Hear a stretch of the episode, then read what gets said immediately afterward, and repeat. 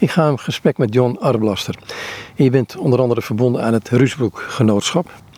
En we gaan het hebben eigenlijk over um, Rusbroek, de mensen in zijn directe omgeving.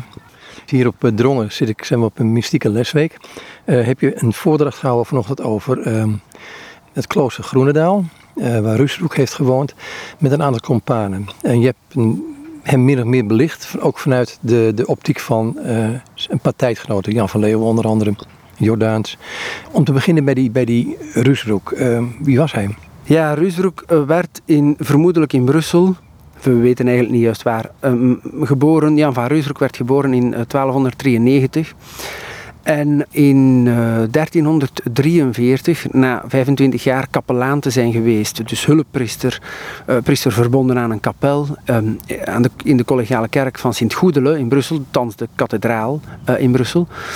Um, na 25 jaar kapelaan te zijn geweest daar, uh, is hij in 1343 met twee companen um, in het Soniewoud, dus het grote woud uh, ten zuiden van Brussel, is hij daar een kluis gaan uh, bewonen en kluizenaar geworden na verloop van tijd is die gemeenschap gegroeid uh, tot op het moment dat zij in 1350 een, een proosdij geworden, geworden zijn met Ruusbroek als de eerste prior. En hij is dus de rest van zijn leven tot 1381 prior geweest van de, van de proosdij van, uh, van Groenendaal. Heeft hij een opleiding gehad? Dat kan bijna niet anders. Vroeger verwees men vaak naar Ruusbroek als een autodidact. Of stelde men dat alles dat Reusbroek over het geestelijk leven wist en schreef, dat dat uh, ingevingen waren, rechtstreekse ingevingen van de Heilige Geest. Maar het is duidelijk voor iedereen die Reusbroek leest, dat Reusbroek een zeer beleerd en erudiet man moet geweest zijn, die thuis was niet alleen in de monastieke, de traditie van de monastieke theologie, van Bernardus van Clairvaux en Willem van Saint-Thierry, maar ook in de theologie in de volkstaal eh, van de 13e eeuw, eh, met werken zoals ehm, de Middel-Nederlandse werken van, van Beatrice van Nazareth, van Hadewig, maar ook in de scholastieke theologie. Uh, dus um, op bepaalde punten van Reusbroeks leer, zijn, zijn Eucharistieleer bijvoorbeeld, komt voor een groot stuk Thomas van Aquino. Dus die was zeker um, goed theologisch op de hoogte. Maar we weten niet waar hij gestudeerd heeft. Hij zal niet aan een universiteit um, gestudeerd hebben, want hij wordt niet magister genoemd. Um, in geen enkele bron uh, is hij een magister. Vermoedelijk zal hij de vrije kunsten gestudeerd hebben aan de kapitelschool van Sint-Goedele in Brussel. Hij zal dan wel misschien, we weten het niet, aan een school verbonden, misschien een kloosterschool, uh, verdere studies gedaan hebben, maar hij zal niet gestudeerd hebben. Hij heeft niet gestudeerd aan een universiteit. Je hebt um, die lezing willen houden ook aan de hand van de vrienden van uh, of mensen die met hem samen in het klooster waren in die tijd. Waarom eigenlijk heb je daarvoor gekozen? Wel, uh, heel de week hier, de zomercursus, stond in het teken van Reusbroek. En ik had um, vanaf het moment dat mij gevraagd werd om een van de lezingen te verzorgen, heb ik onmiddellijk gezegd dat ik, het, dat ik heel graag over Reusbroek zou spreken, maar dat ik ook zou willen spreken over zijn, zijn medebroeders. Omdat Reusbroek en het is niet onterecht. Rusbroek wordt vaak omschreven als een van de belangrijkste mystieke auteurs in heel de christelijke traditie, maar zeker ook de belangrijkste in het Nederlands taalgebied. En hij wordt dus als een ja, heel uitzonderlijk apart figuur beschouwd, heel vaak. Maar wat ik graag doe, is de figuur Ruusbroek. Ik vind het belangrijk dat de figuur Ruusbroek ook in zijn heel concrete dagdagelijkse context gesitueerd wordt, namelijk het klooster Groenendaal. Dat eerst als, als, uh, als kluis enfin, bestond en vanaf 1350 als, uh, als, um, uh, als proosdij. Want het is namelijk zo, en het is ook een unicum in de geschiedenis van de, van de Nederlandse mystiek, maar ook heel uitzonderlijk in Europees perspectief, dat je daar een klooster hebt met vier gelijktijdige mystieke auteurs. Dus Ruudroek is de bekendste van de vier.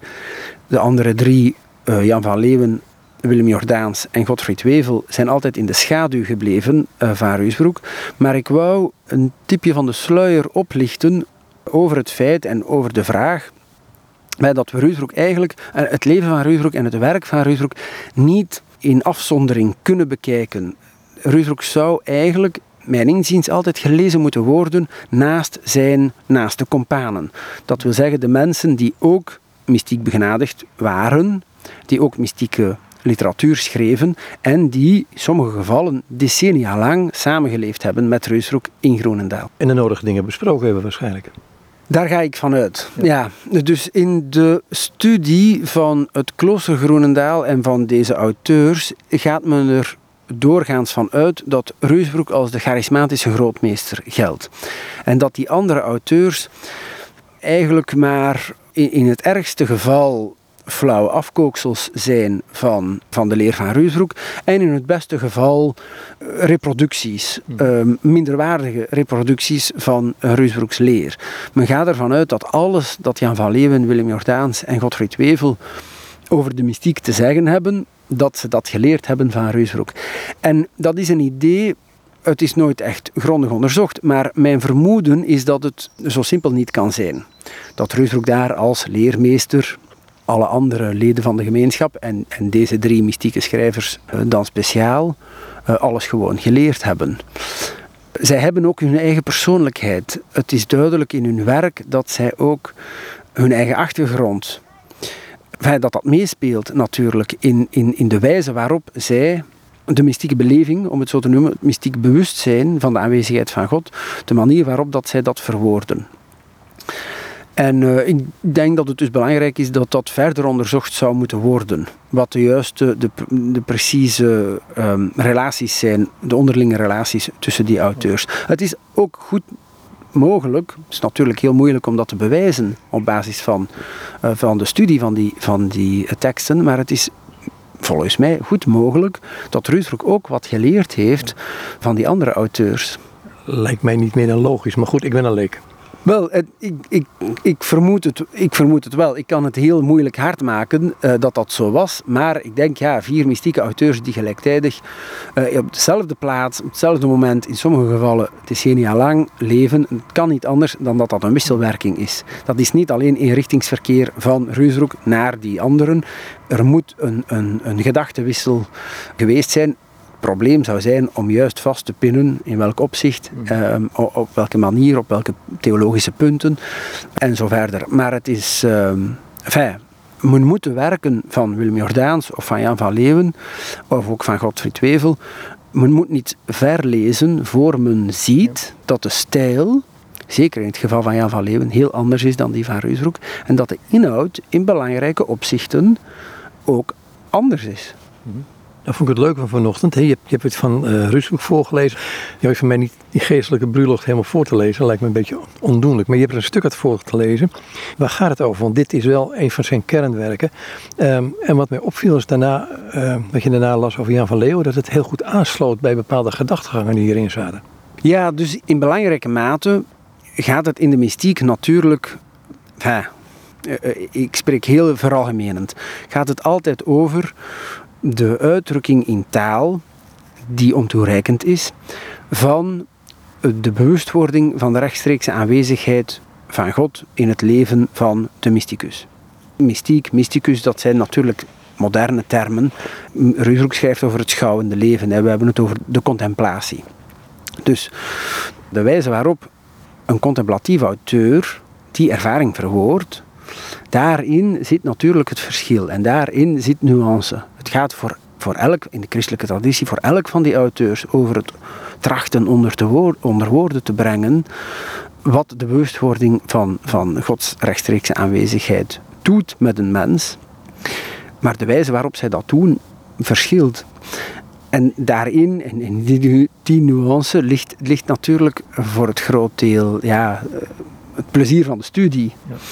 Uh, en van de vergelijking. Dus ja, er zijn natuurlijk raak, raakvlakken, dat, dat, is evident, tussen, tussen, tussen en Jan van Leeuwen en Willem van Daas en, en um, Godfried Wevel zijn, zijn natuurlijk veel, veel inhoudelijke raakvlakken, maar het zijn de verschillen, soms ook gewoon stilistische verschillen, of verschillende keuzes die gemaakt worden, uh, die het heel interessant maken. Waar het voor Ruudbroek over gaat, in de passages die ik uh, vanmorgen gelezen heb uh, tijdens de zomercursus. Ja, ik heb vier passages gekozen, twee uit de Brulocht en, en twee uit uh, Van den Blinkende Steen. Ik heb die passages gekozen omdat ze op een treffende wijze enkele van de fundamentele punten van Ruudbroeks leer uiteenzetten. De eerste passage, dat is de, eerste, de allereerste paragraaf van zijn werk eh, de bruiloft, waarin hij zegt, en hij hangt heel die tekst, en dat is dus een, een tamelijk omvangrijk werk, in drie delen. En heel dat werk eh, wordt uiteengezet op basis van de ontleding van één zin uit het Matthäus-evangelie, een parabel van de dwaze en de wijze maagden. Namelijk de zin, ziet, de bruidegom komt, gaat uten hem te ontmoeten. Dus één zo'n zinnetje en er is een lijvig werk uit voortgekomen. Ja, en hij ontleedt en hij, en hij legt in de eerste paragraaf uit, het zijn de woorden die Christus via het evangelie van Matthäus, en er komt een trein voorbij. Ja, we zitten in de tuin van het klooster, hè? Ja, heel rustig aan de leien, maar eh, ergens achter de bomen uh, loopt een spoorweg. Dus hij legt uit in het werkende leven, dat, dat is dus het, het, het uitwendige leven, het leven, een deugdzaam goed leven, hoe kan men dat toepassen? Dat zijn vier dingen, vier geboden die, die men moet navolgen in het leven. Zowel in het werkende leven, zegt Rudroek, als in het innerlijke leven, het geestelijk leven, het godbegerende leven, als in het schouwende leven, wat hij het schouwende leven noemt, het contemplatief leven. Namelijk, open uw ogen, er is iets te zien, namelijk dat de bruidegom komt. En de bruidegom, zegt hij, dat is Christus. En de bruid, dat is onze ziel. Christus komt ons tegemoet. Ga uit en ga hem eh, ontmoeten. En daar draait voor Reusbroek heel het geestelijk leven om, namelijk de ontmoeting tussen God en, um, en de menselijke ziel. In het stukje staat dat, um, zegt hij van, um, in deze woorden leert Christus onze minnaren vier dingen. Dus Christus was onze minnaar genoemd.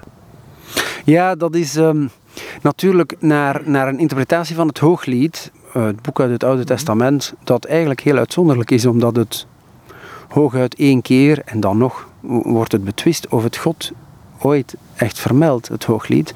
Dat is een, een, een liefdesgedicht, een dialoog tussen een man en een vrouw die elkaar beminnen, die gescheiden worden van elkaar en dan telkens weer weer bij, verenigd worden in liefde. En vanaf de eerste eeuw uh, en, en nog eerder in de Joodse traditie wordt die tekst uh, allegorisch geïnterpreteerd. Waarbij dat de bruid het volk Israël is in de Joodse traditie en de bruidegom God is. En vanaf de eerste eeuwen van het christendom wordt uh, die manier van het hooglied te verstaan ook gehanteerd. Namelijk dat, en er zijn verschillende wijzen om het te duiden, maar dat dus de bruid, de vrouw in het hooglied, dat dat ofwel de ziel is, ofwel de kerk. En dat de bruidegom Christus is. En dus, ja, dat zijn minnaars in het hooglied. En Rusroek zegt, zonder blinken of blozen. Ja, Christus dat is onze minnaar. En hij beschrijft hem als een minnaar. Niet, niet als een redder, uh, niet, als een, niet als een rechter, uh, niet als een, een, een, een, koning of een profeet of een priester. Al die dingen is Christus ook. Maar hij zegt, uh, maar wat is Christus voornamelijk? Onze minnaar. En hij komt naar ons toe. Dan krijgt het hele kijken op, hè, komt u, gaat hem tegemoet, een heel andere betekenis. Ja, absoluut. Een heel uitnodigende, een heel uitnodigende betekenis. En, en, en past dat dus toe in de bruiloft, in de drie delen van de bruiloft, op alle vormen van het, van het leven. Hè. Dus het deugdzame, uitwendige leven, waarin men zou kunnen denken aan de sacramenten, eh, aan de, de werken van barmhartigheid, aan de daden van naaste liefde. Ook het, het innerlijke leven, dus op het niveau van de drie hoge vermogens, dat die ook gericht worden naar God, dat die uit hun eigen de, de gevangenheid van zichzelf treden. En dat men ja, Christus gaat ontmoeten, gaat uit, zegt hij in het zinsdeel, ja, gaat uit, hem te ontmoeten. En natuurlijk omdat op die wijze heel het leven niet meer binnen de horizon van, van het ik, van het zelf bekeken wordt, maar binnen de horizon van de ontmoeting. En de ontmoeting met de eeuwigheid. En de ontmoeting met de liefdevolle eeuwigheid van uh, God. En, uh, en in, in dat opzicht geeft het dus ja, zeker. Enfin, een, uh, is het een andere dimensie die belicht wordt van, de, van hoe men zich God voorstelt. Ja, wat bedoel je daarmee? Wel, zoals ik zei, dat, dat het geen rechtvaardige rechter is. Dat het een, een, een liefdevolle ontmoeting is. En dat benadrukt um, want ja, gebruikt voortdurend de term minnen. Minnen, dat is voor hem, zoals eerder bij Hadewig trouwens, Um, die werken gaan allemaal over de minne. En de, de verschillende wat liefde betekent. Ja, of zoveel als liefde betekent, maar liefde heeft natuurlijk allerlei dimensies. Minne is dus een, in het Middel-Nederlands, zoals liefde vandaag, een heel polyvalente term. Dat kan gaan over de zelfliefde, dat kan gaan over de, de liefde van geliefden, dat kan, kan gaan over de liefde um, um, uh, van ouders en hun kinderen, noem maar op. Maar bovenal is de minne het wezen van God zelf. Uh, God in, in het christelijk uh, gedachtegoed is een, een drie-eenheid, een triniteit, die een liefdesrelatie is op zichzelf. De vader brengt, uh, Rudrock zal zeggen ja, dat de zoon eeuwig uitvloeit uit de vader. De vader brengt de zoon voortdurend voort, baart de zoon voortdurend in de eeuwigheid. En uit hun wederzijdse staren, uit hun wederzijdse contemplatie van elkaar en liefde voor elkaar, ontvloeit, ontspringt de Heilige Geest. En dat is hun wederzijdse liefde en dat zijn de drie personen van de Triniteit. Ruisbroek is een heel sterk trinitair denker. En hij zal dus benadrukken dat de wijze waarop men in het toppunt van de schouwing God ontmoet, ja, dat is door de dynamiek, door te delen in het, de dynamische intrekken en uitvloeien van de liefdesrelatie van God zelf. Wij zijn daartoe in staat dankzij Christus. Dankzij de incarnatie, dankzij het feit dat Christus de mensheid op zich genomen heeft en in Christus de mensheid vergoddelijkt is. En dus kunnen wij, zijn wij ook, er ook toe in staat om bewust te worden van die vergoddelijking als God zich uh, aan ons uh, openbaart. Ja, het, het, werkende leven en het, en het, innerlijke leven zijn daar voorbereidingen op, op de, de vrije gave van de zelfopenbaring van God. Nou is het, dat tweede, het innerlijk of het begeerig leven, dat heeft een activiteit in zich. En het schouwen lijkt me zeer passief. Wel, in zekere zin is dat ook zo. Dus Ruudroek zal over, uh, over uh, een rustend genieten spreken. He, dus dat, dat die schouwing, inderdaad, dus het, de, dus het innerlijk leven, dat is in zekere zin, men zou kunnen zeggen, ja, dat is, dat, is, um, dat is ledig. Daar komt geen activiteit aan te pas. Maar dat is onledig in die zin dat er voortdurend begeerte is. Dus dat hangt natuurlijk met de, met de, met de scheppingstheologie samen van Reusroek enfin niet alleen van Reusbroek, uh, ook vanaf, vanaf de kerkvaders, hè, de idee dat, uh, omdat wij naar het beeld en de gelijkenis van God geschapen zijn, en omdat het volmaakte beeld van God Christus is, dat wij neigen naar onze schepper. En, en in het diepste van onszelf dat wij onze schepper willen zien. Zien, met de metafoor willen kennen, verenigd willen zijn daarmee. En dus die begeerte in het innerlijk leven, ja, wij richten ons op God, wij proberen onze hogere vermogens van, van, van, ja, van ons intellect en van onze wil en van onze, van onze memorie en van ons bewustzijn te richten op God. Maar God vertoont zichzelf niet. God toont zichzelf niet. Eh, en het is dus die begeerte, dat uitroepen, dat je ook zo vaak in de psalmen en in de profeten leest. En waar ook mystieke auteurs gretig uit putten uiteraard, die bijbelse, die bijbelse teksten, over het uh, vurige verlangen om God te zien. En het is dat voortdurend aanroepen van God, dat voortdurend willen zien van God, als respons daarop dat God zich, dat God zich openbaart. En dat is dan het schouwende leven. En dat is zo overweldigend. En dat is zo ja, intrekkend, wat Ruus ook zegt, dat, dat men omhoog getrokken wordt uit zichzelf in God. Waardoor men zelfs zegt Reusroek, het zelfbewustzijn verliest. En zichzelf vergeet en ook God vergeet en alleen nog liefde kent. De overweldigende bewustwording van de alheerschappij van, van de minne God. Maar dat is natuurlijk nooit een stadium dat op zichzelf bestaat. Dat is een, zoals het leven van de Triniteit zelf, een voortdurend dynamisme, een voortdurend uitvloeien en intrekken.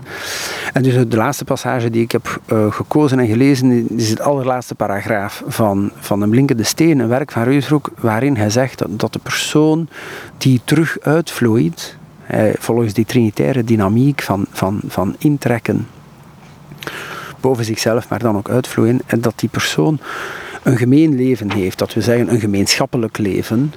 In de zin dat um, die persoon in gemeenschap leeft met God en met de Heilige Geest, de liefde van God, maar ook met de schepping. En dus op een andere manier in de wereld staat. En zich manifesteert in de wereld. Niet alleen op de manier waarop God het wilt, maar op de manier waarop God het doet. dat die persoon wordt dan een instrument van Gods aanwezigheid. En doet hij waarschijnlijk niet veel andere dingen dan jij en ik doen. Nee, inderdaad. Enfin, minder zondigen. Uh, vermoedelijk. Ja, wat Reusroek zegt, ja, dat die in het, in, in, in het werken en in het schouwen dan volmaakt, dan volmaakt is. Want dat die leeft uit de, uit de bron, uit de goedheid van de Heilige Geest. En, en, en dat is een fontein, dat is een bron die nooit uh, leeggeschept kan worden. Uh, en dus inderdaad, hoe dat een schouwend persoon in het leven staat, zal er aan de buitenkant niet veel anders uitzien hmm. dan eender welke andere persoon. Het is de innerlijke beleving en het is uh, het innerlijk bewustzijn uh, dat verschilt. Ik vermoed dat die persoon ook wel, en dat deed Reusroek ook wel, want daar schrijft men over, dat hij een, een, een grote indruk maakte op mensen. Zoals trouwens ook over Bernardus werd gezegd, dat mensen die Reusroek tegenkwamen, dat dat zij onder de indruk waren van zijn heiligheid. En dat hij heel heilig en heel uh, stichtend uh, was in zijn leven. Dat schrijft Jan van Leeuwen trouwens uh, ook over Reusbroek. Je gebruikt in het stuk uit Van de Blinkende Steen, gebruikt hij een merkwaardig woord. Een soort grondeloos abyss waar we in terechtkomen. Ehm, leg het eens uit. Ja, wel, mensen gaan er vaak vanuit dat zij uh, hun eigen schepper zijn.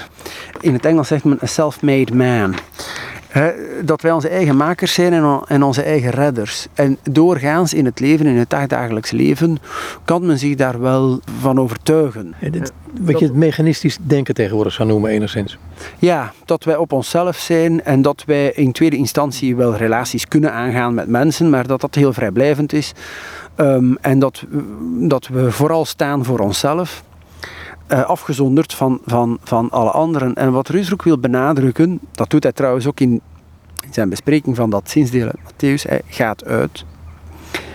Ziet de bruidegom komt, gaat uit. Dat is, ga uit uzelf.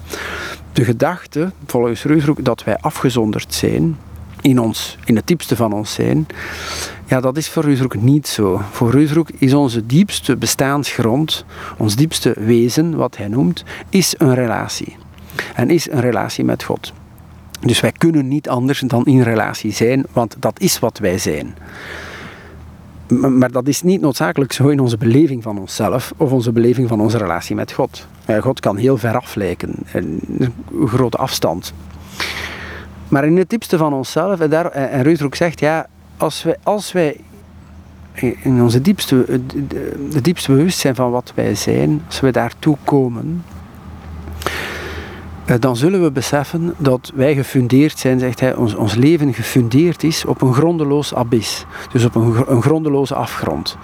En dat er eigenlijk niets van bestaansfundament is aan ons, dat niet eigenlijk, en dat is natuurlijk een paradox, je kunt niet iets funderen op een afgrond, want een afgrond is een afgrond. Maar dat is dus de paradox van hè, ons bestaan, dat is eigenlijk gewoon verbonden, dat staat gewoon in relatie. Dat is, zegt hij, gefundeerd op die grondeloze afgrond. Dus dat leeft gewoon voortdurend vanuit eh, de scheppende kracht van, uh, van God. En hij zegt dus, ja, dat is belangrijk om... Je kan er ook concreet wel iets bij voorstellen. Dus de gedachte, gewoon het mensbeeld van ik ben ik ben er voor mezelf en ik ben mezelf en ik ben volledig afgesloten van alle anderen. Buiten dan misschien in tweede instantie. Naar een soort zelfbeschouwing die zegt, ja nee, ik sta fundamenteel um, in relatie tot de, tot de transcendente andere. Ja, daarover gaan dus die passages. En ja, en God is natuurlijk de eeuwigheid van God. Ja, daarom ook de afgrond. De, ja, het grondeloos abyss. Omdat er geen einde is aan God. Maar goed, het geeft aan de ene kant geeft het iets onzekers, maar ook een stuk veiligheid. Um, ja, dat kan misschien um, angstwekkend klinken. Dat er een soort uh, de standvastigheid en de zekerheid van, van zelfingenomenheid en de zekerheid van, van zelfgenoegzaamheid.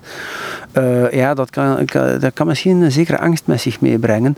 Maar ik denk dat voor is dat zeker zo dat dat eigenlijk de weg is naar de, de vrijheid. En dat die, ja, en, en van het voorbijgaan aan die angst. Hè, dus de, angst van onszelf te verliezen.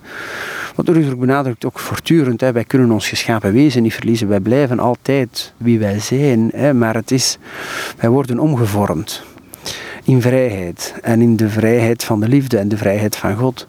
En daardoor komt alle angst en alle vrees eigenlijk te vervallen en verbreedt eigenlijk de horizon van ons leven mateloos tot in de eeuwigheid. Ik moet, ook denken aan twee termen die ook hier wel gebruikt werden. Ehm, dat hetgene wat nu gezegd wordt niet algemeen is, maar heel bijzonder. Moet je zeggen, die, die, die mystieke principes, die kun je bijna niet... Ja, je kunt ze wel leren, maar je kunt ze niet overbrengen. Je kunt ze ook niet pakken voor jezelf. Ruusbroek benadrukt dat voortdurend, ja, dat het schouwende leven niet aan een ander geleerd kan worden. En dus men kan al de boeken van Ruusbroek lezen en dan zal men niet noodzakelijk uh, contemplatief worden. Dat is een beetje een, een frustratie misschien van, van, uh, van sommige mensen die denken, oh ja, ik zal een mystiek traktaat leren en, uh, lezen en, en dan word ik mysticus. ja, zo werkt het natuurlijk niet. Maar die teksten, en dan hanteert men de term mystagogisch, die teksten kunnen ons wel aanspreken die teksten kunnen wel stichtend zijn voor het geestelijk leven. Die teksten kunnen wel een, een aanzet geven om zichzelf anders te gaan bekijken, anders in het leven te gaan staan, om de voorbereidingen te, treffen die men kan treffen, om klaar te zijn, om open te staan, om ontvankelijk te zijn, om receptief te zijn voor de zelfopenbaring van God. Want de zelfopenbaring van God, dat is natuurlijk altijd een vrij geschenk dat vrijgegeven wordt en vrij ontvangen moet worden. Men kan dat, uh, men kan dat niet opeisen, men kan dat niet leren. Uh, en zeker ook niet aan, aan, aan, een ander leren hoe dat, hoe dat hij of zij uh, mysticus of mystica zou moeten worden. En Reusbroek benadert dat heel sterk, ja, en hij zegt ook uitdrukkelijk dat volgens hem weinig mensen in dit leven tot de godschouwing zullen komen, omdat het omwille van de, de verhevenheid daarvan. Er zijn weinig mensen die, die ertoe in staat zijn om hun leven zodanig te bekeren en, en zich zo zowel uitwendig als inwendig naar God te keren en in het met de eenvuldige meningen, dus de intentie die, om volledig gericht op God te leven, eh, dat die de schouwing zullen kunnen ontvangen. Eh, dat zegt hij wel, maar um, daarom is het niet nutteloos, natuurlijk, uh, voor het geestelijk leven. Um, en natuurlijk ook voor, die, voor de geschiedenis van de theologie over het algemeen, voor degenen die daarin geïnteresseerd zijn, en de geschiedenis van de geestelijke literatuur. Daarom is het natuurlijk niet nutteloos om Rusdruk te lezen. Dan komen die termen hierin voor als um, het gebruik en het gebreken. Heeft het daarmee te maken dat, dat je bent op een gegeven moment ben je, vol van God, je hebt die ontmoeting gehad, uh, je hebt het genoten. En dan lijkt je plotseling uh, ja, in je hemd te staan, om zo te zeggen. Ja, wel, de tekst die ik uit Jan van Leeuwen heb voorgelezen, dat is eigenlijk een heel treffende tekst over de ervaring van de verlatenheid. En ik heb die tekst gekozen, uh, onder andere omdat um, Reusbroek zelden over zichzelf schrijft. Wat Reusbroek wel zegt over de verlatenheid, is, hij zegt ja, dat dat een, een legitieme en een waarachtige uh, geestelijke ervaring kan zijn, namelijk de, ervaring, de zeer pijnlijke ervaring van Gods afwezigheid. Hij zegt daarover, ja, dat is de weegschaal van de liefde. Soms gaat hij op en soms, gaat hij, soms is, de, is de liefde vol, en soms dan weer droog en, en, en, en, en door en afwezig. En hij zegt, ja, de beste remedie daarvoor, voor ja, dat op en neer gaan, die fluctuatie, die fluctuering van, van de weegschaal van de liefde, dan kan het beste dat men dan kan zeggen is: ik behoor mezelf niet toe. Ik behoor toe aan God en laat het geschieden naar Gods wil. En verder gaat Roesroek daar niet echt op in. Jan van Leeuwen daarentegen, die beschrijft in een vrij lange passage zijn persoonlijke ervaring van de afwezigheid van God. En hij doet dat op een heel, eh, voor mij toch, ontroerende manier. Want hij beschrijft door allerlei beelden en gelijkenissen te gebruiken, beschrijft hij hoe, dat, ja, hoe het voelt om op zijn kleinheid en alleen eh, de indruk te hebben dat hij helemaal op zijn kleinheid achter, in zijn kleinheid achtergelaten is door God. Dat God hem de rug heeft toegekeerd.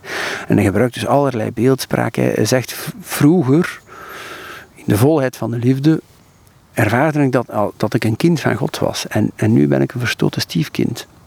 Of ik ervaarde dat ik een geliefde zoon was en, en nu ben ik een verstoten bastaard. Hij zegt, ja, Christus verscheen mij, toonde zich aan mij als een onschuldig lam of als een, of als een, speelkind.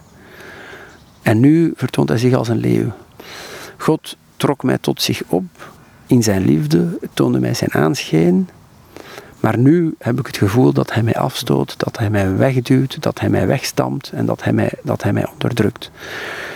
En hij zegt, een prachtig soort beeldspraak, van ja, ik, ik bevind mij tussen twee spijzen, tussen twee soorten voedsel en ik verhonger. En de ene, dat is het voedsel van de wereld, van de natuur. En hij zegt ook, ja, eigenlijk de lust waartoe mijn kwade natuur geneigd is. De, mijn vleeselijke natuur, hè, de genoegten van, van vleeselijkheid, daartoe wil ik eigenlijk niet. Dat voedsel van de wereld, ja, dat, ik weet dat dat mij niet verzadigt. Ik weet dat hetgene dat mij gelukkig maakt, datgene dat vreugde brengt, datgene dat mij verlost, dat is Gods liefde. Naar de wereld wil ik niet toe, maar dat ander voedsel, namelijk dat goddelijk voedsel, dat wordt mij onthouden, dat wordt mij niet gegeven. En dus hij zegt, ja, ik zit tussen, tussen die twee spijzen en ik verhonger. En ik wacht op mezelf, tot God zich opnieuw zal tonen. Zegt dat iets ook over de eerlijkheid van deze man? Dit soort dingen zul je misschien bij Rusbroek niet lezen. Dit soort dingen lees je zeker niet bij Reusbroek. Reusbroek schrijft nauwelijks over zichzelf. En ook nauwelijks over andere mensen. Dat was ook, uh, wou ik vanmorgen ook toelichten in de lezing, dat op dat gebied alleen al Jan van Leeuwen een, een, een uitzonderlijk en een ander soort schrijver is dan Reusbroek. Omdat hij niet alleen in positieve zin, maar ook in negatieve zin, ja, tijdgenoten of niet echt tijdgenoten, maar voorgangers, laten we zeggen theologische voorgangers, dat hij daar commentaar op geeft en ook uh, over zichzelf schrijft en zijn eigen geestestoestand.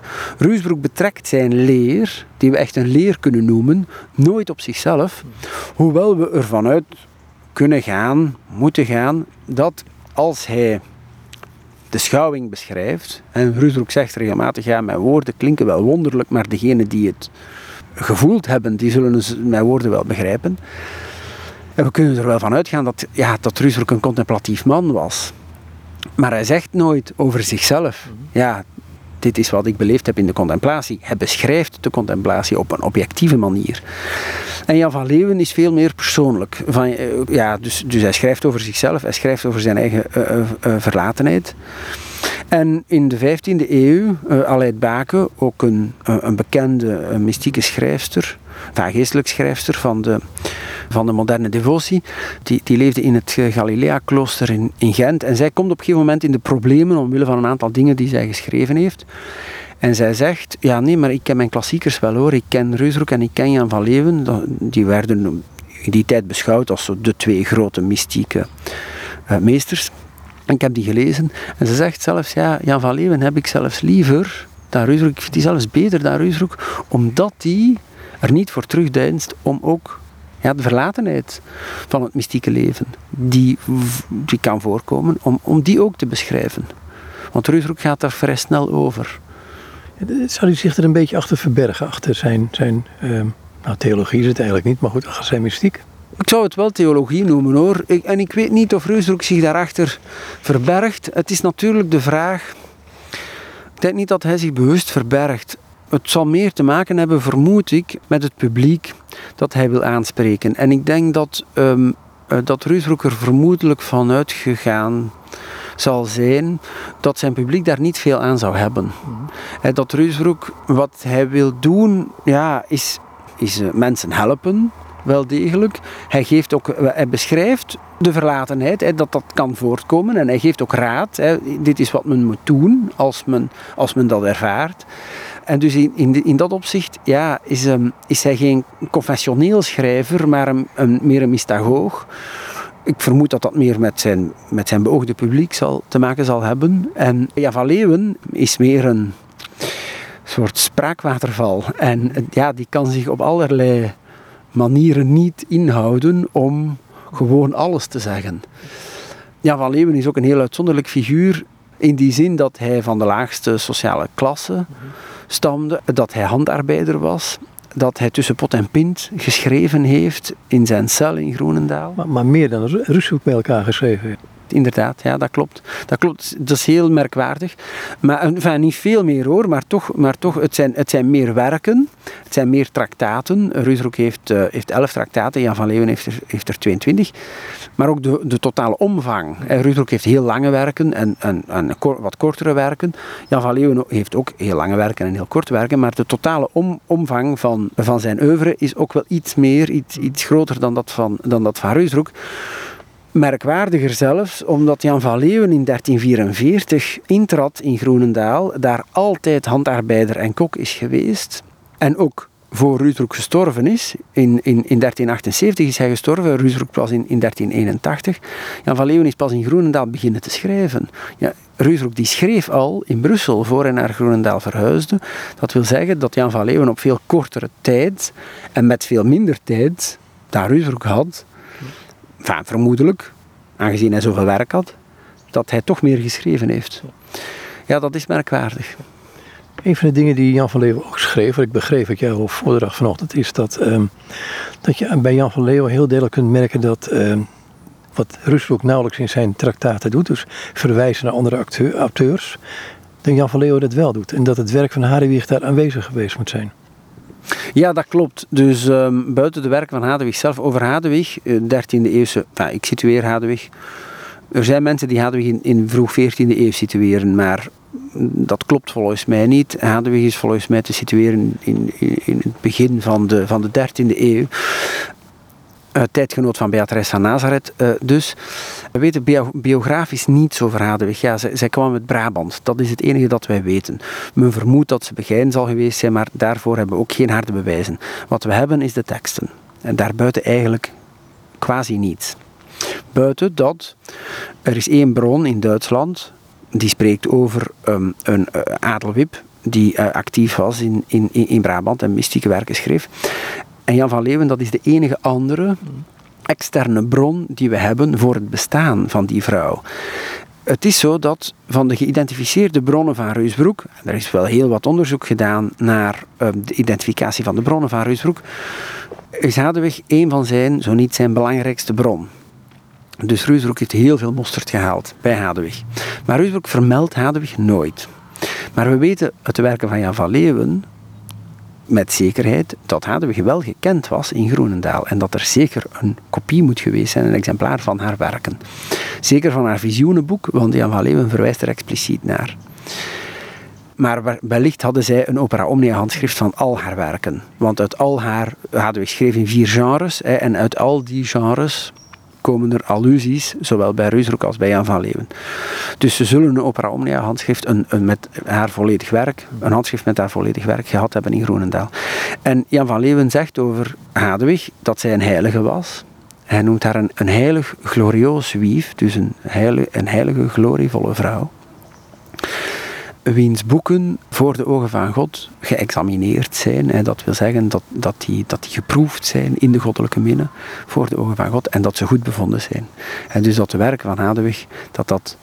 En hij zegt zelfs, ja, dat zijn zeer stichtelijke werken, dat zijn zeer goede werken. En hij plaatst de werken van Hadewig op het niveau van, van de brieven van Paulus. Mhm.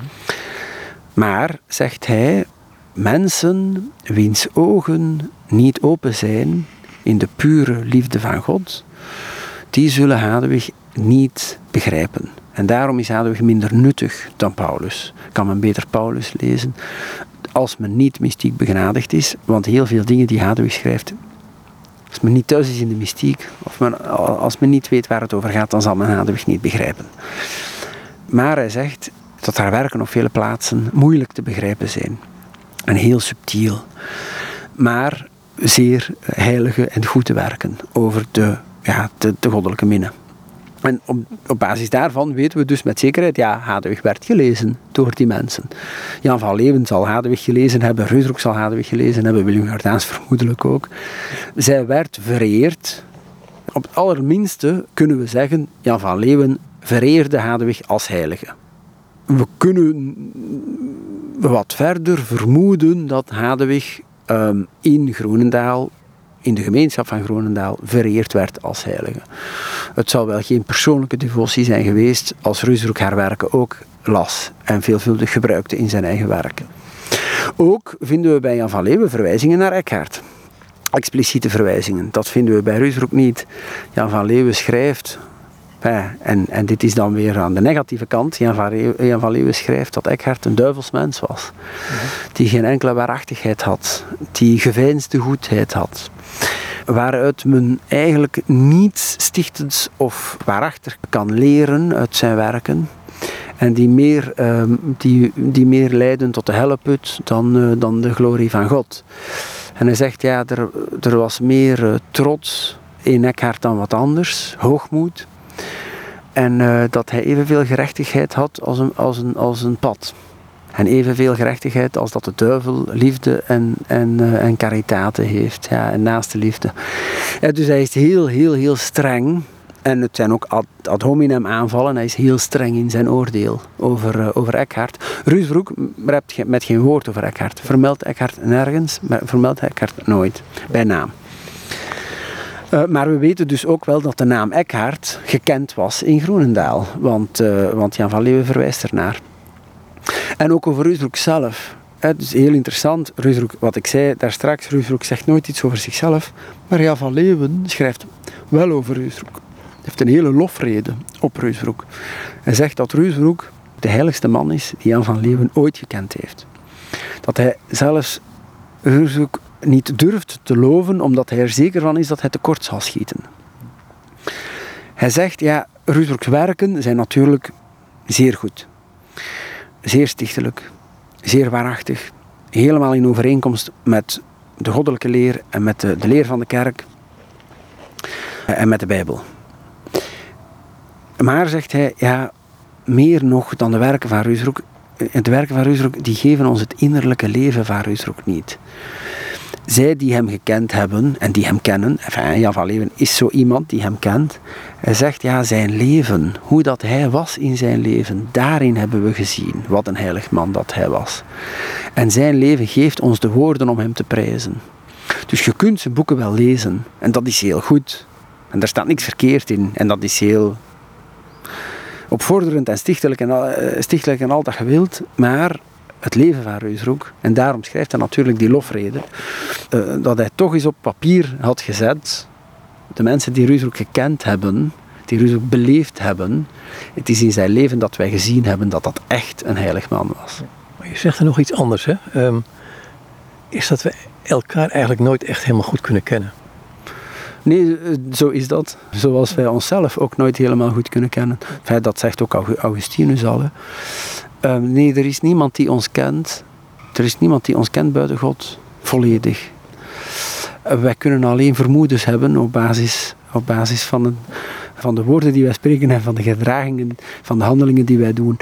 Uh, het is alleen God die. Um, en God kan ons in zekere zin wel doen kennen, onszelf wel doen kennen om de manier waarop wij gekend zijn door Hem. En wij kunnen niet alleen onze medemens, maar heel de wereld. Dus wat ik daar straks zei over de geestelijke transformatie hè, bij Ruusroek, dat anders in, in de wereld staan. Wij kunnen door God en dankzij God, dankzij de vereniging met God, de wereld wel komen te kennen zoals God die kent, namelijk binnen, ja, binnen de horizon van de minne. Maar dat is alleen dankzij uh, de Heilige Geest en de, de aanwezigheid van de Heilige Geest in ons, niet op eigen krachten. Het is een enorme ruimte die je krijgt, denk ik. Maar um, nog een, een andere figuur, um, Jordaans. Uh, wat was het belang van hem? Want hij was van adel. Dus een heel ander type dan de kok. Willem Jordaans, dat is dus uh, de, een derde uh, mystieke auteur van Groenendaal. En hij stamde uit een adellijk geslacht. Hij is in Brussel geboren. We weten niet waar hij zijn eerste scholing ontving, maar vermoedelijk aan de kapitelschool van de collegiale kerk van Sint-Goedelen. En daarna is hij, dat weten wij omdat hij magister genoemd wordt in al de bronnen, dat hij aan de universiteit theologie gestudeerd heeft. Maar we weten niet welke universiteit. We vermoeden de Universiteit van Parijs. Dat zal voor iemand uit Brussel wel de meest aangewezen plek geweest zijn. En na zijn eh, studies in Parijs afgerond hebben, is hij ingetreden in Groenendaal. Waar hij dus eh, kanoniek regulier werd. En hij schreef ook in de volkstaal mystieke werken. Maar hij was natuurlijk, hij, een, hij was van adel, ja, dus, dus, dus helemaal de andere kant van het spectrum dan, dan van Leeuwen. En hij was ook eh, universitair geschoold, wat Rusdruk niet was, en Jan van Leeuwen al zeker niet. En dus zijn werk, uh, De Oris Osculo, de mystieke mondkus, genoemd, is veel scholastieker van aard. Hij gebruikt de categorieën van Aristoteles in de uiteenzetting. Hij hanteert de beeldspraak van het hooglied, dus de, mondkus, naar uh, het voorbeeld van Bernardus van Clairvaux begint hij bij de kus van de voeten, gaat, stijgt hij op naar de kus van de handen en dan uiteindelijk de mondkus. Ja, de stijl is toch heel anders, dan, zeker dan die van Jan van Leeuwen, maar ook dan die van Ruusbroek. In die zin, zoals ik zei, hè, dat hij veel scholastieker is in zijn wijze van uiteenzetting. En ook dat hij inhoudelijk veel meer neigt naar eh, de pseudo-Dionysius die zesde eeuwse uh, monnik, waarvan men dacht in de middeleeuwen dat dat, enfin, wiens geschriften, dat die geschreven werden door uh, Dionysius de Areopagiet, een volgeling van Paulus die bekeerd werd toen Paulus op de Areopaagberg in, in, in, in Athene predikte. Maar dat is, dat is niet zo. Die werken zijn door een, een, een zesde eeuwse monnik geschreven.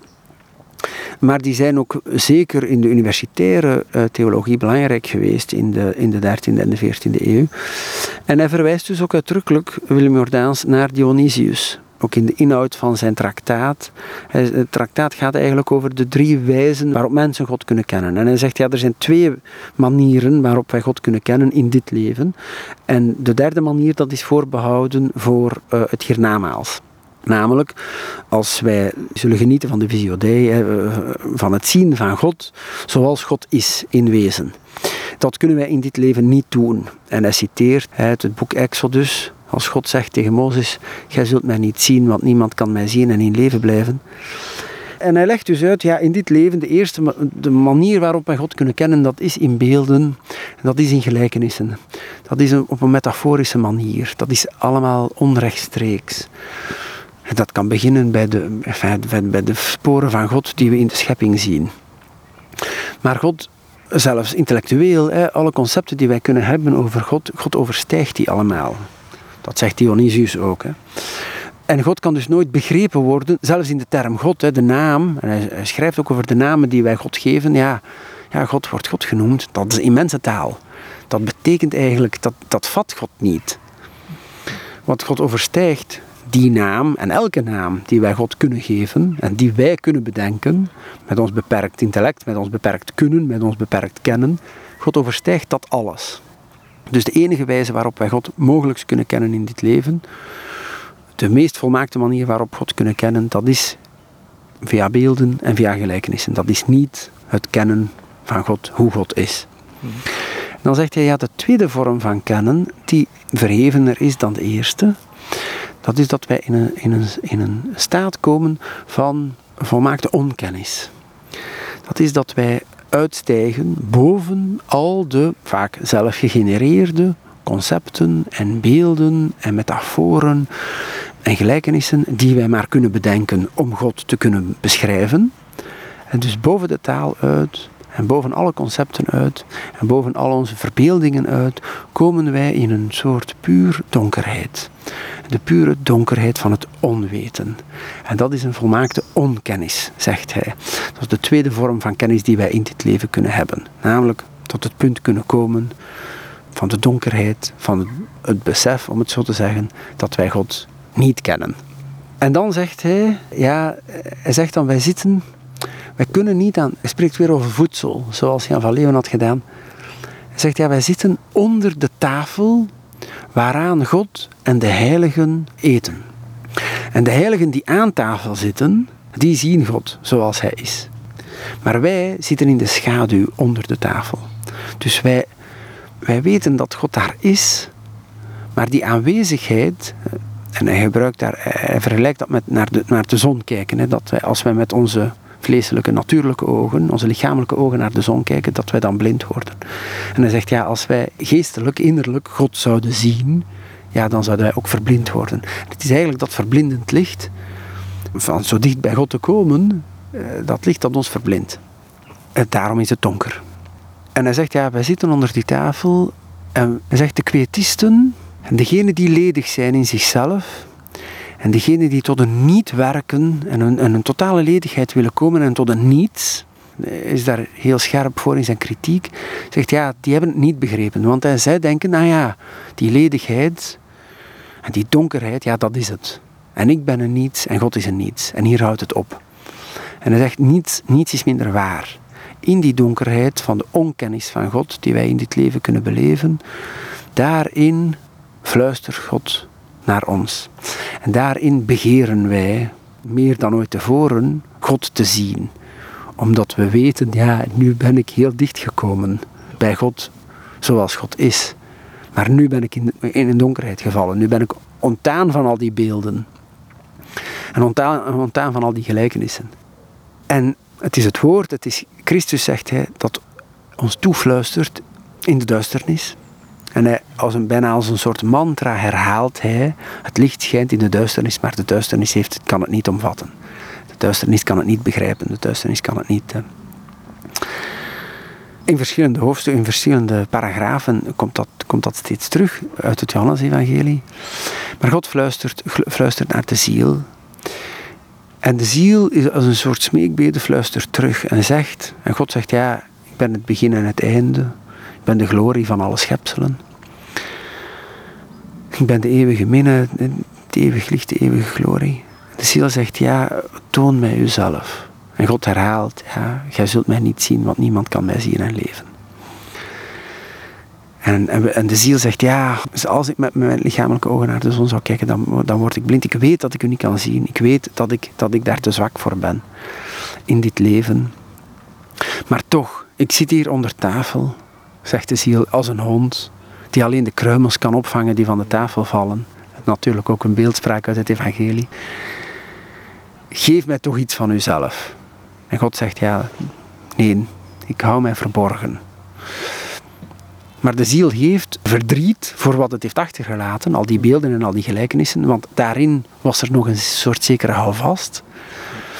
Maar de ziel heeft ook een, een zekere en een vaste hoop, zegt Willem Jordaans, dat datgene dat begeerd wordt, namelijk het zien van God van aangezicht tot aangezicht, dat dat wel verkregen zal worden.